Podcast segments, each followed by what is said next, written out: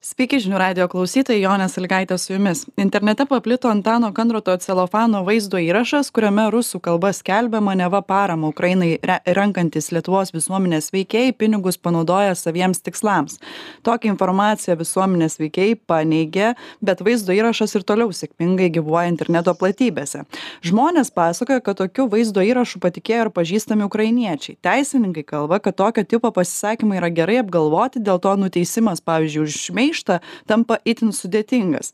Tai nėra vienetinis atvejis atrodo kad kone kasdien vieni kitus žmonės apšmeižia tada duoda vieni kitus į teismus bet na ar tokios bylos a, yra laimimos ar tai padeda spręsti dezinformacijos problemas?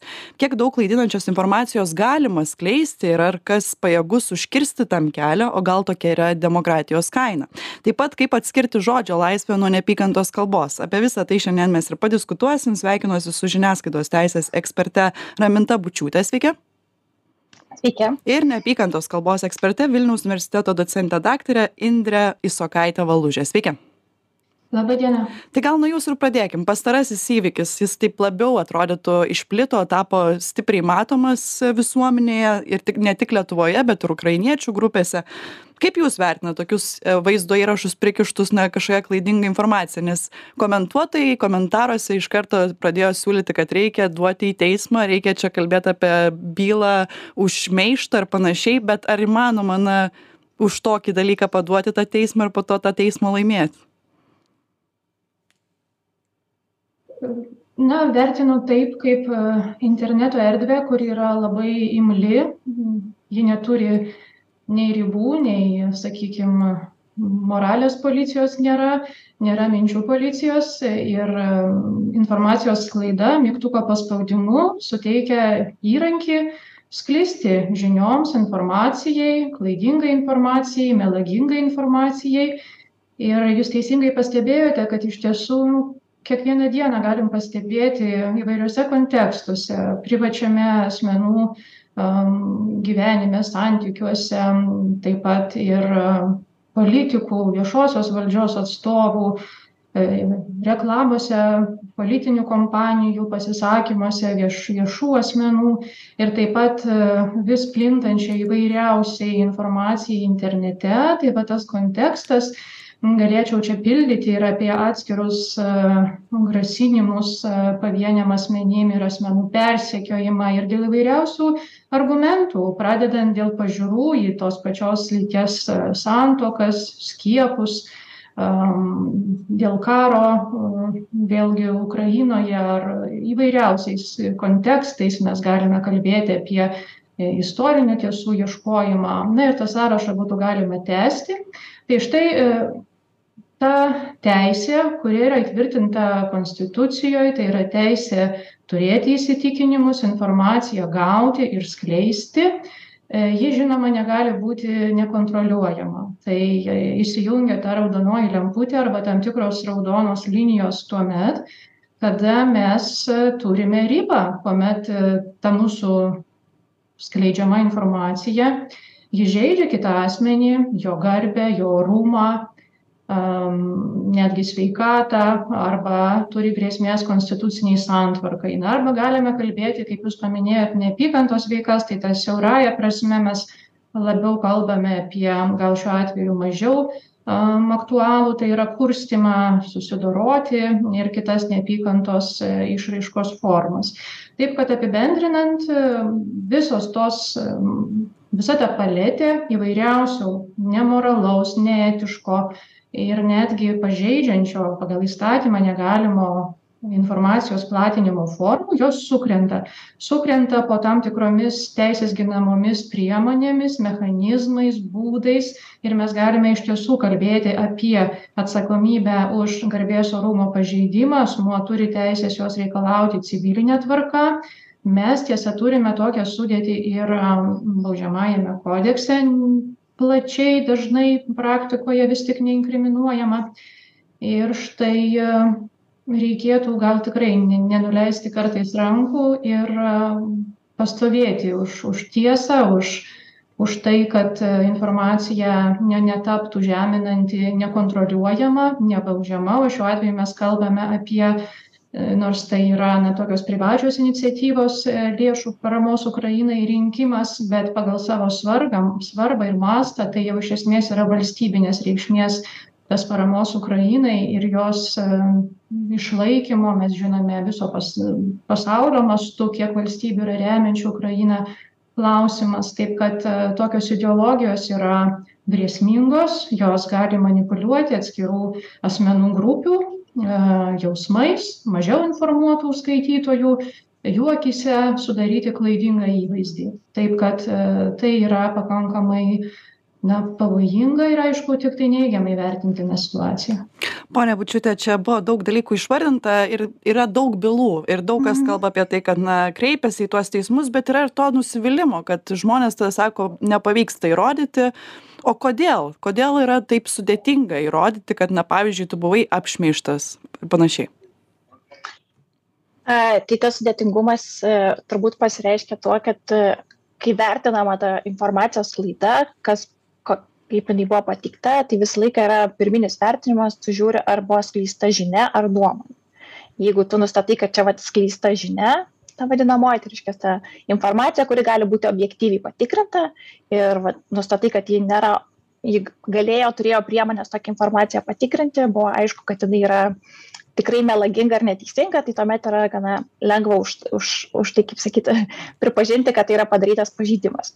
Kai kalbam apie kai yra nustatoma nuomonė tai va čia yra sudėtingiau jeigu nusprendžiama kad ta paskleista informacija yra nuomonė ir nes nuomonė gali būti subjektyvi jinai gali kaip jinai turi remtis kažkokia tai faktine informacija bet jau asmens kaip jisai susidarė kaip jam pasirodė iš tam tikrų aplinkybių iš jo vidinio įsitikinimo kaip jisai išsireiškė ir vat kaip jam atrodo kad čia ta informacija yra e, žinia ar nuomonė e, kaip tą kažkokį įvykį dėstės ar jie vat jeigu nustatoma kad ta skleista informacija yra nuomonė e, tuomet yra sudėtingiau įrodyti šmeižimo visą tą faktą ar tą. Ir net neužtenka to, kad tu vienas iš būdų tu gali įrodyti, kad čia vat, buvo skleista žinia ar nuomonė, bet vėlgi bus vertinama, ar ta žinia ar nuomonė e, vis tik apšmeižė tikrai tą žmogų, ar visuomenės akise nuomonė apie tą žmogų pasikeitė, ar galėjo pasikeisti, ar ta informacija, kuri galbūt jinai yra kaip ir melaginga, bet ne tokia, kuri pakeis visuomenės požiūrį į tą asmenį, apie kurį buvo paskelbta, uh, tuomet daug sudėtingiau yra įrodyti vat, tą būtent ir išmyžimo faktą, kad nuomonė pasikeitė ir tą, surinkti, taip sakant, visą sudėti ir uh, gauti tą sėkmingą teismo sprendimą. Bet šitose bylose uh, ir šiaip visoje veikloje, kas socialiniais tinklais išskleidžiama informacija, aš gal labiau matyčiau tikslą sustabdyti, čia toks labiau yra tikslas turėtų būti sustabdyti tos informacijos klaidą tai kai tu kreipiesi dėl to pačio ieškinio, ar kur sakai e, su ieškiniu teismą, ar ne, kad buvo pažįsta garbė ar orumas, ar uh, tavo garbė ar orumas, tai yra tavo bai apšmyštas, uh, tai turėtų toks vienas iš tikslų būti, kad nu, ta informacija nustotų sklisti toliau socialiniuose tinkluose, kol vyksta byla, ir tai galėtų būti prašymas laikinų apsaugos priemonių, kad ta, tas turinys būtų tam tikrą laiką pašalintas bet vėlgi labai sudėtinga gauti ir tas laikinąsias apsaugos priemones tokiam turinio pašalinimui išėmimui arba taip pat suderinti tai kad socialiniai tinklai tai atliktų kaip žinom tikrai sunku kartais uh, prisibelsti į tuos socialinius tinklus ypatingai uh, kartais lietuvos institucijom. Tai vat ir iš viso to susideda tai kad nu tos bylos yra sudėtingos. Kitas procesas kad ta informacija buvo paskleista visuomenė sužinojo kažkokią nuomonę susidarė bet vėl tada kai jau baigėsi teismas kuris gali trukti ke kelet keletą metų daug kas jau pamiršo kad čia buvo tokie įvykiai apie ką jie buvo ir kas čia buvo kalbama. Tai kartais geresnė priemonė yra kovoti tiesiog viešumu su tuo. Sakyti kad čia vat neteisinga informacija ir mėginti kažkaip sustabdyti jos sklaidą. Tai jeigu ten socialiniuose tinkluose raportuoti apie, apie tai, kad nu, prašyti, kad žymėti, kad ta informacija yra neteisinga, ar per tas laikinasias apsaugos priemonės prašyti stabdyti tokios informacijos klaidą. Pone Valužė, galbūt na, ir tie žmonės, kurie skleidžia tą klaidinančią informaciją, jau pasidarė per daug teisiškai išprusę. Čia Olegas Šurajevas, kai komentavo irgi šitą visą uh, dalyką tai jis kalbėjo apie tai kad yra pasakomi du faktai. E, šis žmogus renka paramą ukrainai ir šis žmogus nusipirko butą. Abudu tie tie faktai yra teisingi bet tarsi yra pasakoma taip kad suprask na kad būtent iš tų pinigų kuriuos surinko jis nusipirko tą butą. Lygiai taip pat su tuo pačiu žodeliu galimai. Na jau dabar apipintas šmaikščiai jis yra atrodo gali sakyt bet ką bet pasakyk prieš tai galimai. Tai gal tiesiog teisiškai per daug išpruso žmonės Matot, kaip tas vienas žodelis, manau, galimai arba panašus, vis tik nesutikčiau, kad jisai gali visiškai na, lemti tai, kad atsakomybė bus netaikoma, kad mes neturėsime bylos. Kalbant apsiribojant apie tą e, labiausiai tikėtiną turbūt, e, jeigu būtų kreiptas į civilinio kodekso e, straipsnį, būtent apie garbės rūmo pažeidimą, tai kaip ir buvo teisingai pastebėta, na, mes turime įrodyti vis tik tai visumą faktų, ne kažkurį vieną iš jų. Tai mes turime kalbėti apie tai, kad iš tiesų ta informacija buvo paskleista ir čia jau abejonių apie tai nekyla, nes, na, būna atveju, kada vienoje byloje štai buvo bandyta kreiptis dėl garbės orumo pažeidimo nes kaimynin kaimynų santykiuose buvo nurodoma kad malkų vagystė bet tai nebuvo kažkaip viešai paskelbta nebuvo to to elemento.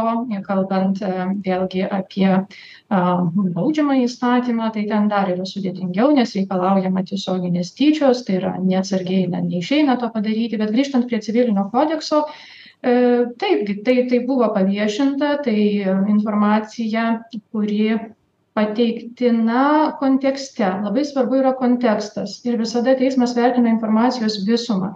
Tai yra tiek to asmens kuris tą informaciją skleidžia na jo paties ankstesnis sakykim elgesys jo kažkokia veikla kaip jis tą padarė kiek kokiom priemonėm šiuo atveju aišku vėlgi labai daug tų peržiūrų berods vir virš tūkstančio pasidalijimų skelbta bent anksčiau ir ir žinoma daugybę kart daugiau tų peržiūrų.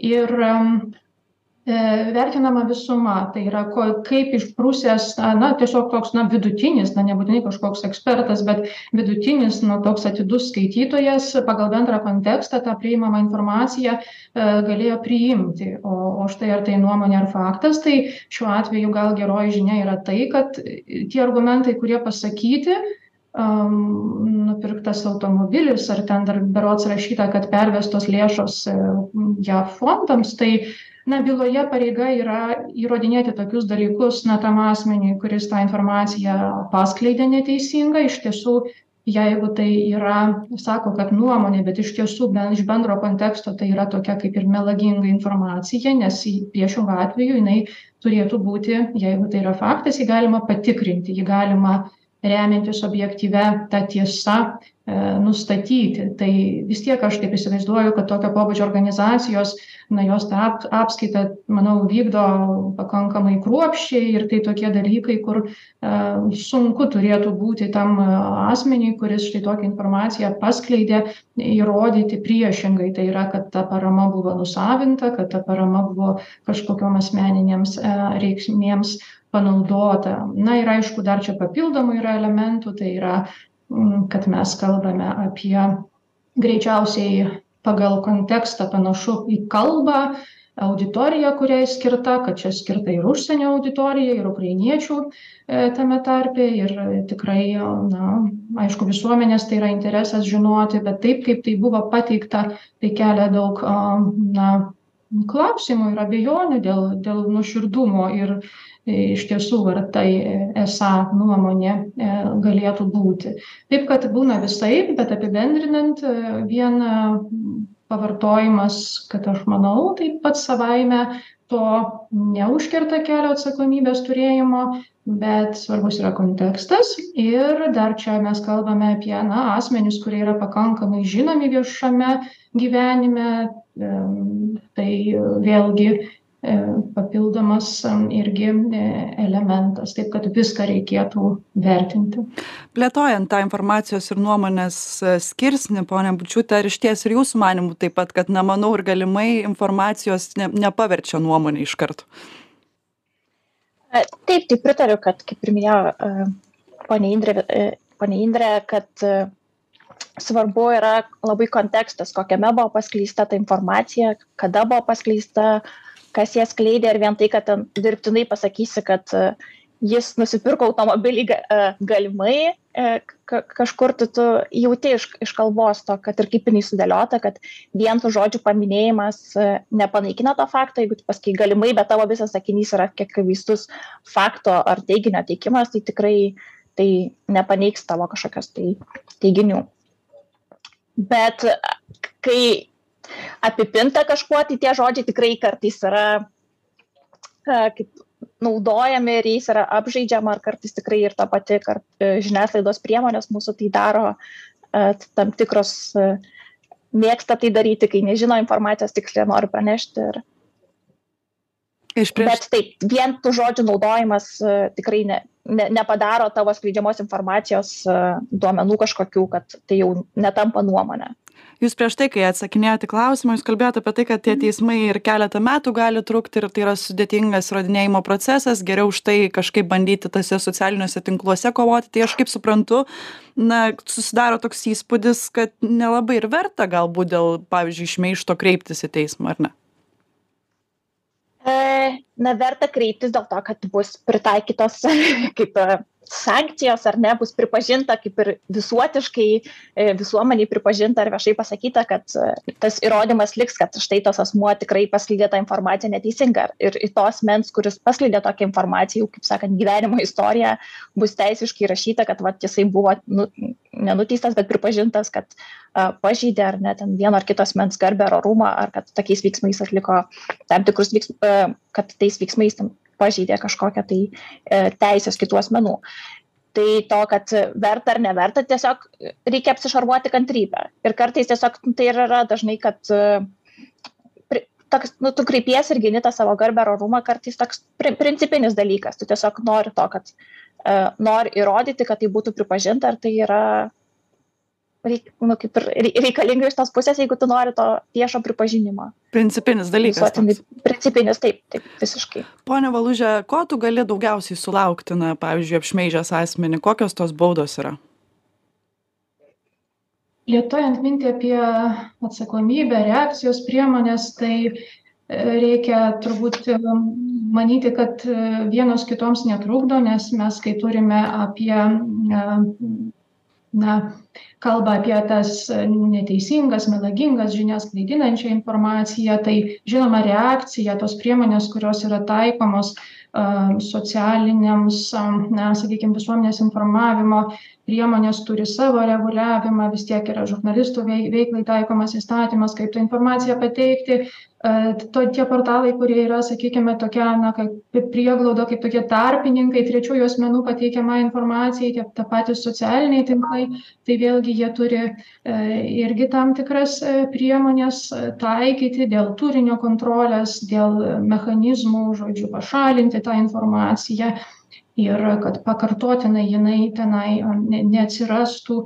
Taip kad mes turime įvairių tų priemonių ir reaguoti būtent kreipiantis į teismą prašant atlyginimo šiuo atveju galime kalbėti apie tą neturtinę e, žalą aišku ir turtinė žala yra ginama jeigu mes kalbame apie juridinio asmens mažėjančias pajamas reputaciją dalykinę reputaciją jeigu mes kalbame apie fizinio asmens orumą vėlgi ta nematerialinė žala tai tam tikri dvasiniai išgyvenimai sukrėtimas ir įvairūs kiti dalykai. Tai yra tam tikras lietuvoje na pasirinkimo reikalas. Iš tiesų baudžiamąja tvarka turime mes galimybę bet e, tai yra specifinis straipsnis jis reikalauja kad visuomenės informacijos priemonėse būtų pateikta tam tikra e, žeminanti orumą informacija šmeižimas ir ten kaip minėjau reikalingos keturi elementai. Tam tikras subjektas e, padaroma tyčia objek objektyvi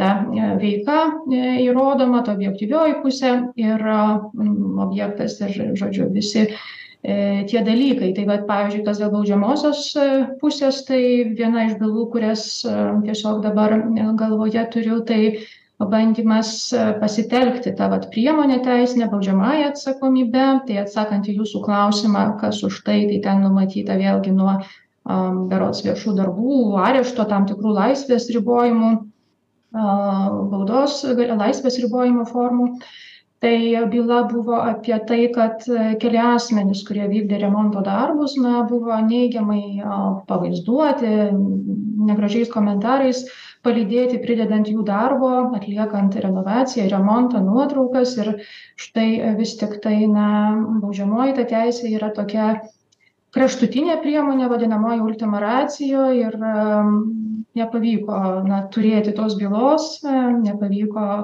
ieškovams. Na aišku ten aš kalbu labai apibendrinant yra detalių kad ir tie tie darbai jie ten buvo keliamos nuotraukos kaip jie buvo iš tiesų panašu ne visiškai kokybiškai atliekami ir taip toliau bet aš noriu ne apie detales bet tą bendrą mintį kad štai aišku yra ir įvairių nuomonių dėl to ar mes lietuvoje privalome tą baudžiamąją tokią turėti būtent tą sudėtį bet grįžtu aš e, prie tos civilinės tvarkos ir vėlgi kodėl mes turėtume kreiptis. Tai vis tiek mano minėtas reikalavimas yra reikšmingas paneigimas paneigimas tos informacijos ir ir tos priteisimas žalos aišku tai būtų ir tam tikra atgrasymo priemonė ir na panašioms veikoms vis tiktai kad taip aš nedrįsčiau manyti kad visiškai tokių bylų na ateitis yra arba baigtis taip jau vienareikšmiai tiktai kad neapsimoka. Kiek domėjausi statistika tai na bent jau pirmosios instancijos teismuose mes na tie skaičiai aišku yra įvairūs. Tai mes prieš vienerius kelerius metus dėl asmens fizinio asmens garbės orumo pažeidimo. Mes maždaug gauname septyniasdešim bylų apie devyniasdešim bylų atskirais metais. Na ir panašus skaičius yra išnagrinėjamas. Tai dar greta yra juridinio asmens jų yra mažiau bet vis tiek skaičiuojami dešimtimis. Na tai palyginus su baudžiamąja tvarka ten man pavyko na per pastaruosius tiktai metus informacijos ryšių departamento skelbiama informacija ten yra skelbiama pirmųjų antrųjų metų nuo pusmečiai. Tai tai iš tiesų dėl civilinių bylų dėl baudžiamųjų man tik berods tik vieną ta prasme paliko pavyko rasti atvejį iš penkiasdešim trejų ar keturių pradėtų va tokių baudžiamąja tvarka tai tai apibendrinant vis tiktai kad civiline tvarka bylai durys na nėra uždarytos o visos kitos priemonės kurios yra labai reikalingos tai yra geriausia priemonė na viena iš gerų tų priemonių kovoti su klaidinga informacija melagienomis tai yra ją paneigti pateikti tei teisingą informaciją tikrą informaciją. Ir tai nereikalauna kažkokių labai specifinių teisinių dalykų įrodinėjimo kaip kad pagal atskiras atskirus straipsnius ar civilinio kodekso arba juolab dar sunkiau baudžiamojo kodekso trumpą pertrauką padarom tuoj pratęsim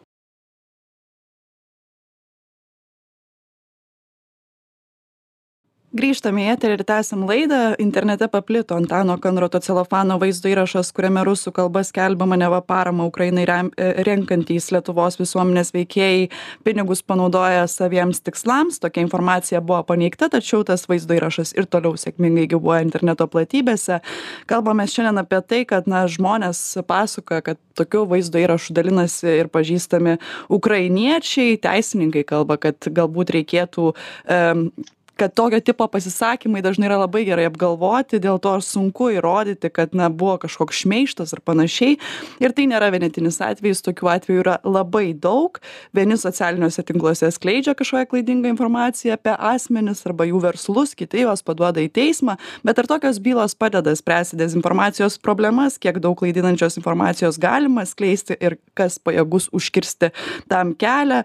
O gal tokia yra demokratijos kaina? Apie visa tai šiandien ir diskutuojam su žiniasklaidos teisės eksperte raminta bučiūte ir neapykantos kalbos eksperte vilniaus universiteto docente daktare indre isokaite baluže mes prieš pertrauką sustojom prie tų baudų ir panašiai ir dar dar vienas įdomus momentas ponia bučiūte tas įpareigojimas na pavyzdžiui atsiprašyti arba paneigti informaciją kas dažnai būna e, kaip tokia irgi bylos baigtis kiek jisai dar yra na svarbus dalykas ypač kalbant apie tai kai kelerius metus yra bylinėjamasi teisme ir kaip jūs ir pati minėjot jau užmiršta visi apie tą istoriją ir tada štai žmogus turi kažkokį trumpą atsiprašymą paskelbt. Tai naudinga tuo kad viešai lieka informacija kad tas paneigimas vis tik yra kažkada istoriniuose šaltiniuose jeigu kas nors nagrinės jie žinos kad vat štai ten po po dviejų metų tas kas e, teiginys kuris buvo paskelbtas jisai buvo paneigtas. Šiaip kuo yra naudinga E, dabar, kai mes turime tą elektroninę žiniasklaidą, tai kad prie to pačio senojo, senosios publikacijos jau joje gali, turėtų būti pažymėta ir e, pažymima, kad šita skelta informacija buvo neteisinga ir štai va čia yra paneigimas tos informacijos, tai jau tu kaip ir atsiversdamas, kad ir atsiversdamas tos senus straipsnius, tu gali matyti, kad štai čia buvo skelbta neteisinga informacija ir ji dabar yra paneigta. Tai tokia priemonė leidžia tą paneigimą matyti ir dabartiniais ar ne laik, iš, iš karto, skaitant ar senesnį straipsnį, žinoti, kad tokia informacija buvo. Bet žinoma, kaip ir būdavo visada sakoma, ar ne, kad e, pagrindinėse puslapio, tam pagrindinėme puslapyje ar kažkur labai plačiai paskelbiama ta melaginga naujiena, o ta paneigimas jisai dažnai nueina į, į antrą planą. E, bet vėlgi, čia tas pats kaip ir paneigiant informaciją patiem prieš kreipiantis į teismą galima ar ne paneiginėti viešą informaciją, kuri apie tave yra melaginga. Tai lygiai taip pat ir patys tie asmenys, kurie gina savo garbę ir orumą, jie apgynė, jie gali vienom ar kitom priemonėm išviešinti tai, kad buvo uh, štai teismas priėmė sprendimą, tas asmuo paneigė tą sprendimą, štai va jo paneigimas patys savo kanalais išplatinti, apginti taip dar papildomai savo garbę ir orumą. Ar tą paneigimą? Ar pati ta teisinė bazė mūsų, mes kai apie ją kalbam, ar na, jis mhm. spėja kažkaip prisitaikyti prie socialinių tinklų, ar tai tiesiog tai, kas buvo taikoma žiniasklaidai seniau ir, pavyzdžiui, laikrašiam, žurnalams ir panašiai televizijai, dabar tiesiog yra taikoma lygiai taip pat socialiniams tinklams. Gal čia kažkaip reikėtų daugiau vystimų? Taip, kartais atrodo, kad e, tuo metu, kai buvo sukurtos šios teisinės priemonės, ta visa informacijos klaida buvo kur kas lėtesnė ir jinai buvo kurta ir vystėsi tuo metu, kai mes turėjome laikraščius, tos pačius popierinius ar ne televiziją, kurioj labai tu aiškiai žinojai, kas paskelbė tą informaciją, kas už ją yra atsakingas, kad čia vat redakcijai taikoma atsakomybė uh, ir, pra, ir į ką kreiptis dėl to, kad jinai būtų paneigta. Kartais, kai informacija skleidžiama socialiniuose tinkluose iš įvairių paskirų, tu net nežinai, į ką kreiptis ir kas, yra, kas turėtų būti tas atsakovas teisme. E, šita dalis yra irgi sudėtinga, ta, kad tu tiesiog kažkokį slaptažodį, bet e, kažkoks slapyvardis tam tikras paskelbė informaciją, bet e, su, su laiku ir vis tik tai tom elektroniniam priemonėm įmanoma įsiaiškinti, kas, kas, lypi, kas lypi už jų ir kas yra tas atsakovas. Bet taip, kartais atrodo, kad socialiniuose tinkluose, ypatingai elektroniniai žiniasklaidai, kai skelbiama informacija, ji pasklinda labai greitai, jos yra labai daug ir kartais tie patys paneigimai ar kažkokios tai priemonės iš, išnyksta, dinksta ir ne, nebėra matomas, bet kaip minėjau, kažkokie tai vat, pakeitimai taikomi reikalaujama prie to pačio pirminio straipsnio ar tos pirminės publikacijos pridėti informaciją, kad štai šis, šis teiginys buvo, ši informacija buvo neteisinga paneigta. E, lygiai taip pat socialinės tinkluose mes matome, kad kažkokia tai informacija buvo redaguota, e, tai galima kažkaip e, įvertinti ir žinoti, kad štai, štai va čia buvo neteisinga paskelbta informacija. Vaizdo dalinimosi platformose visiškai taip pat, kai yra skelbia, buvo paskelbta kažkokia informacija, prie jos, prie tos seno, senojo įrašo taip pat gali atsirasti tekstas ar kažkur tai vaizdo įrašą, į, į seną vaizdo įrašą tu gali įterpti tą paneikimą informaciją, kad tai buvo neteisinga. Tai kažkokiu tai tokių priemonių vis dar yra įmamasi, kaip tą suvaldyti, e, bet ko gero sunkiausia yra taikyti teisinės priemonės, kurios vis tiek teisiškai vertina informaciją, pereiti visą tą lėto teisingumo procesą, e, tam, kad ta informacija šitam greitame ir dideliame žinių sraute, kad jinai nepasimestų ir būtų matoma, tai tai yra sudėtinga taip. Pone Valužė, kokia jūsų nuomonė? Reikėtų kažkaip na, labiau išplėstą teisinę bazę, kuri būtų pritaikyta būtent socialiniams tinklams, o galbūt net reikėtų kažkokių griežtesnių baudų, gal tai geriau atgrasytų žmonės nuo tos dezinformacijos klaidos? Reikėtų turbūt įvardinti pirmai, pirmą, ką mes turime, nes na, tarptautinių Europos lygmenių mes Europos Sąjungoje turime tiesa, na, gal daugiau tokių rekomendacijų, bet taip pat ir pareigojančių teisės aktų, skaitant tą pačią na, elektroninės komercijos direktyvą ar atskiras rekomendacijas dėl informacijos to turinio, kad jis nebūtų internete žalingas, kad jis nebūtų neteisėtas ir atskiruose tose srityse baruose kai mes kalbame apie žiniasklaidą nepilnamečių apsaugą nuo neigiamos informacijos vėlgi turime tų instrumentų. Apibendrinant rekomendacijas socialiniam tinklam na tiem tarpininkam kurie na nėra tikrieji autoriai bet e, suteikia forumą pateikti tretiem asmenim informaciją jie kelios čia yra teorijos plati diskusija aišku labiau yra linkstama prie to požiūrio kad jie na neturi tikrinti visiškai visų vartotojų teikiamos informacijos na to teisingumo tikslumo tai mes čia jau artėtume prie kažkokios cenzūros galimai.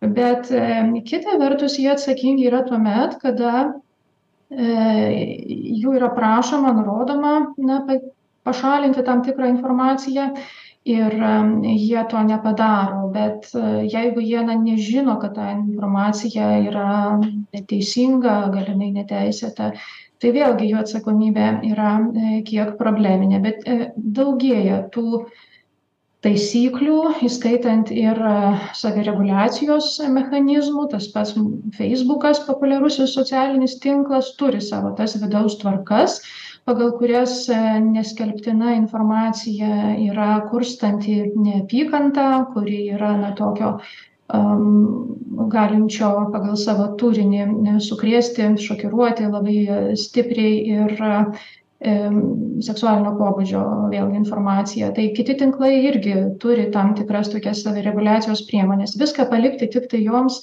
irgi negalime. Ir vėlgi tos kiti tie požiūriai, kad tas griežtasis požiūris, kad atsakytų tie tarpininkai visiškai kaip ir teiginių autoriai, na, nelabai ne, ne aišku, demokratiniai visuomeniai tinka, nes ta, ta, ta žodžio laisvė yra labai e, svarbi savireguliacijai visko palikti kaip minėjau irgi neišeina. Tai tas esamas reguliavimas tarsi atspindi tokią na e, teoriją tokio saugaus uosto kad ta informacija jinai už ją e, socialiniai tinklai jie atsakingi kaip pavyzdžiui irgi kontekstas yra svarbus atsižvelgiant į mano minėtus kriterijus ir bylų praktika rodo tai štai tokius pavyzdžius. Viena iš garsiųjų bylų yra delfi. Delfi byla prieš estiją. Na mes turime žinome tą situaciją kada nepavyko portalui e, išvengti atsakomybės už kitų asmenų komentarus atsižvelgia teismas į tai kad tai buvo na pelną nešantis vis tiek ta informacijos pateikimas ir komentarai tai yra dalis to verslo tos veikos ir taip jau visiškai nereaguoti e, na nėra pateisinama. Tai mes dabar turime tam tikrus vadinamus tuos patruliuojančius na ar policininkus ar pagerėjusias pat priemones na vis skatina tarptautinės organizacijos kad tos priemonės tie mygtukai paspausti pranešti apie informaciją kuri yra na sakykim kurstanti neapykantą arba kita ne neleistina kad kad tos priemonės būtų kad e, tie tarpininkai jie reaguotų į jas. Ir aišku tęsti čia galėčiau yra tiek e, kitų teisės aktų rekomendacijų kurios vis tiktai na palieka erdvės kaip minėjau ir tom taisyklėm kurias turėtų patys tinklai. Irgi ar kiti portalai kiti tarpininkai turėti taikyti tiktai kad problema ta jog internetas neturi sienų nepaiso valstybių jurisdikcijų ir ta informacija plinta žaibiškai ir na tarsi taikomos tos vidaus tvarkos asmenim besinaudojantiem platforma bet atskiruose pasaulio kraštuose ir valstybėse gali būti skirtumų ar ne dėl informacijos pateikimo jos turinio priklausomai nuo to ar tai yra amerikos organizacijos ar ar ar ar europos tarybos narė. Taip kad bet aišku internetas tikrai tokia labai sunkiai reguliuojama erdvė ir panašiai kaip ir šiuo atveju berods vienu atveju byloje buvo nuteista atsakovas dėl to kad reklaminiame tokia vaizdo įraše panaudojo iš auš aušvico stovyklos kažkokių elementų simbolių ir nepaisant to vėlgi mygtukų paspaudimu tas video vėliau buvo randamas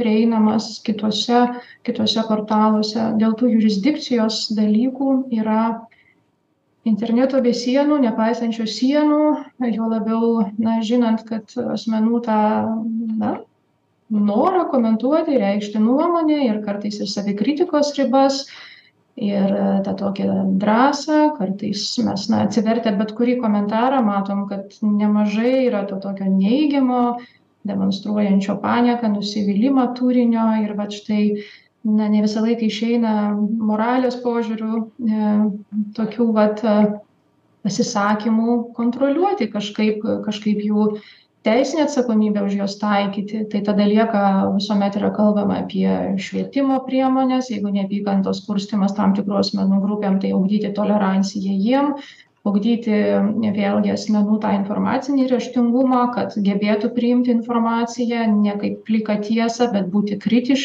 kritiškiem ir, ir kad na, jau nuo mokyklos tas teisė gauti informaciją, kad kad e, žmonės adekvačiai mokėtų ja pasinaudoti nes na ideologijos jos yra pavojingos dėl to kad pavyzdžiui kaip e, rusija mėgsta kalbėdama na įvairiausiais čia neigiamais argumentais dėl vakarų valstybių pasitelkia greta savo tiesų na tokį po populiarų sakykim a, už tradicinę šeimą, ar ne, arba kokią tai ekonominę gerovę. Ir iš tiesų yra dalis žmonių, kur gal, na, jiems svarbiau yra tikrai tie dalykai jie atrodo kad jie yra pabrėžiami ir jie priima tą ideologiją kaip visumą. Tai tai va dėl to mes ir turėtume reaguoti į tokias į tokius atvejus. Mes mes turėtume taikyti visas įmanomas priemones ponia bučiūte sugrįžtant prie to vėlgi minėto vaizdo įrašo na visuomenės veikėjai e, platina rodo tuos skaičius aiškiai parodo kur ta parama ukrainai yra panaudojama. E, atrodytų yra na paneigta visiškai ta informacija kurią bandė skleisti ponas kandrotas. E, jo dabar anketa bent jau šiuo metu yra užblokuota nežinau ar čia dėl šio įvykio ar dėl kažko kitko. E, bet kyla klausimas kad tas vaizdo įrašas jis toliau sėkmingai plinta feisbuke jo niekas neužblokavo jį galima pasižiūrėti. Ta dezinformacija atrodytų nesvarbu kad ten buvo paskleista dezinformacija mes matėm ką ką reiškia socialiniams tinklams užblokuoti blokuoti ir kaip galima susigadint reputaciją savo. Čia tviterio e, šitas momentas buvo turbūt toks labiausiai išskirtinis kai nusprendė donaldo trampo paskyrą visiškai užblokuoti po kapitolijaus šturmo. Ir tikrai labai daug žmonių nusivylė tviteriu ir kalbėta buvo apie tai kad na tai yra demokratija yra žodžio laisvė leiskit žmonėms e, reikštis kaip jie nori.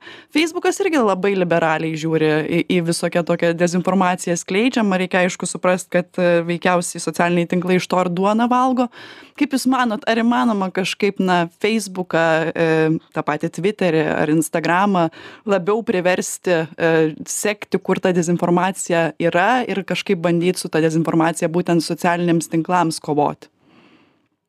A, tai lyg ir įstatymai priimami tai vadinamas e, čia, e, vienas iš naujausių reglamentų kuris yra e, dabar atsiprašau, užstrigo e, ir kaip priimtas būtent socialiniams, kaip sakote? Europos komisijos turite omeny. E, jo, ES reglamentas dėl informacijos e, socialiniams tinklams, tas e, Data Act ar mhm. Data Information Act, tiesiog kažkaip užstrigo pavadinimas. E, tai ir jisai, vat, ir jame yra tie įpareigojimai socialiniams tinklams sekti tą informaciją, stebėti ją, gavus kažkokius tai pranešimus, juos vertinti, iešk, turėti pati, kuo dar gerai ką iš tikro tame reglamente kas numatyta tai kad kiekviena šalis paskirs tokią kaip ir savo instituciją kuri yra atsakinga ir vadinamas toks patikimas jų šaltinis ką šiaip feisbuk feisbuk lyg ir dabar turi tą kad jeigu iš to šaltinio yra pranešama kad štai šita skleidžiama informacija yra neteisinga klaidinga jie turi ją blokuoti. Bet aišku tai yra viena kai tu užblokuoji pirminį šaltinį kas yra kurį kuris paskleidė informaciją bet tą patį vaizdo įrašą dar kelia labai daug kitų asmenų. Ir kadangi socialiniai tinklai ne visada prieš, prieš keliant turinį, jie neturi pareigos skanuoti tą informaciją, kažkur tikrinti savo duombazėje, ar tai yra pažydžianti vienas ar kitas teisės, ar ta informacija, pažiūrėjau, buvo užblokuota, tai kartais tai užtrunka laiko, kol vėl tas apie tą įrašą yra pranešama, atpažįstama, kad tai yra tas neteisingas įrašas ir jis yra pašalinamas. Tai socialiniai tinklai turi tų priemonių, aišku turi priemonių tai blokuo, e, blokuoti tokį turinį, at, atrasti jį, e, taip pat ir asmenys gali apie tai pranešti, juos tai pareigoja įstatymai. Uh, jiems už tai, kad jeigu jie nevykdys to greitų metų pradės grėsti baudos. Tai tai irgi tokia bus savotiška skatinimo priemonė. Tiktai aišku tai šiek tiek ir apribos gali apriboti ir pačią demokratiją. Iš tos pusės kad nu ne visada visa informacija kuri paskelbiama yra neteis neteisinga melaginga kuri bus užblokuota. Tai tai šiek tiek toksai visada yra tai kad jeigu mes labai griežtai norime riboti turinį ar jį kažkaip a kad vertinti riboti tas visas jeigu griežtas yra ribojimas skelbiamos informacijos sekimas jisai atsiliepia priešingai kad yra tas ar ar griežtos labai baudos tai atsiranda tas būtent vadinamas chilling effect kuris nebeskatina skelbti informacijos atbaido nuo tam tikrų tyrimų vykdomo informacijos skleidimo ir apriboja demokratiją ir tas saviraiškos laisvės pasinaudojimą ja tai čia visada tai yra riba ir aišku geriausiai su ja kovoti yra kovojama su atsparia visuomene kuri turi gerą kompiuterinį raštingumą kuri sugeba atskirti kokia informacija yra teisinga turi tam turi tam tam tikros infor suvokimo kuri informacija yra teisinga supranta kurie šaltiniai yra patikimi kurie ne kuo man reikėtų ar kuo nereikėtų pasitikėti. Tai taip pone valuže kalbant būtent apie tą dar demokratiją pačiai pabaigai ar mūsų visuomenė jau moka atskirti bent jau neapykantos kalbą nuo žodžio laisvės ar dar yra kur pasimokyt? Visą gyvenimą mes mokomės turbūt visose srityse. Demokratija strasbūro žodžiais yra na vienintelė ta forma valdymo suderinama su europos žmogaus teisių pagrindinių laisvių apsaugos konvencija ir ją atitinkanti ir štai ta saviraiškos laisvė yra teismo vertinama kaip itin svarbi asmeniui žmogui nes leidžia būti tiesiog savimi. Ir ne tik teisė bet ir kiti mokslai ir filosofija ir sociologija vertina tiek tas sąvokas asmens orumo tiek na neapykantos fenomeną ir kartais į teisės terminus viską įsprausti yra pakankamai sudėtinga nes tas tas orumą kaip kaip jį apibrėžti kuris įrašytas į įstatymus pagal kurią mes turime kvalifikuoti veikas tai yra pakankamai plati sąvoka. Tai yra ir asmens teisių laisvių šaltinis ir asmens tam tikras na toks suvokimas savęs. Tuo tarpu garbę mes suprantame labiau vertinimą kitų akyse mūsų tų bendražmogiškų taisyklių moralės teisės kitų normų vykdymą. Ir štai mes kalbame apie na tas bylas sudėtingas vertinti žodžio išraiška saviraiškos ribos yra begalinės ir formos nuo meno kūrinių kurie gali būti ir šaržuojantys ir išjuokiantys tai nėra draudžiama tiek ir pati kalba. Iki vėlgi neigimo tarkim genocido kas yra užtraukiantis baudžiamąją atsakomybę arba kurstymas susidoroti kaip populiariausia turbūt ta neapykantos forma lietuvoje. Bet ta neapykantos veika yra na žinutę siunčianti veika kalba ir tai yra toks kiek dirbtinis terminas pavartotas ir žmogaus teisių teismo prieš daugiau nei kelis dešimtmečius ir jav vartotas dar anksčiau kalbant apie tą tokį neigiamą nusistatymą užpuolimus dažniausia šia forma prieš kitos rasės atstovus kitom socialinėm grupėm priklausančius asmenis. Taip kad dar daugiau neapykantą jausti vėlgi yra vienas iš tų natūralių žmogiškųjų emocijų tiktai gyvendami visuomenėj mes turime išlikti atsakingi savikritiški pakankamai ir neribodami vis tiktai savo tos laisvės informaciją tiek gauti tiek tiek ją perduoti. Mes darome poveikį vieni kitiem vieni kitų likimam iš tiesų. Mes turime paisyti tų griežtų ribų ir kai kurios jos yra pakankamai aiškios tai yra jeigu mes kurstome susidoroti jeigu mes akivaizdžiai kaltiname viešai dalykais kurie yra netiesa tai aišku tik keli pavyzdžiai na tų ribų į kurias saviraiškos laisvė turėtų atsimušti ir durys jai turėtų būti šioj vietoj uždarytos ačiū jums abiems kad radot laiko šiandieną. Kalbėjomės su vilniaus universiteto docente daktare indre isokaite valuže ir su žiniasklaidos teisės eksperte raminta bučiūte šią laidą vedžiau aš jonė salygaitė klausytojams sakau gražios likusios dienos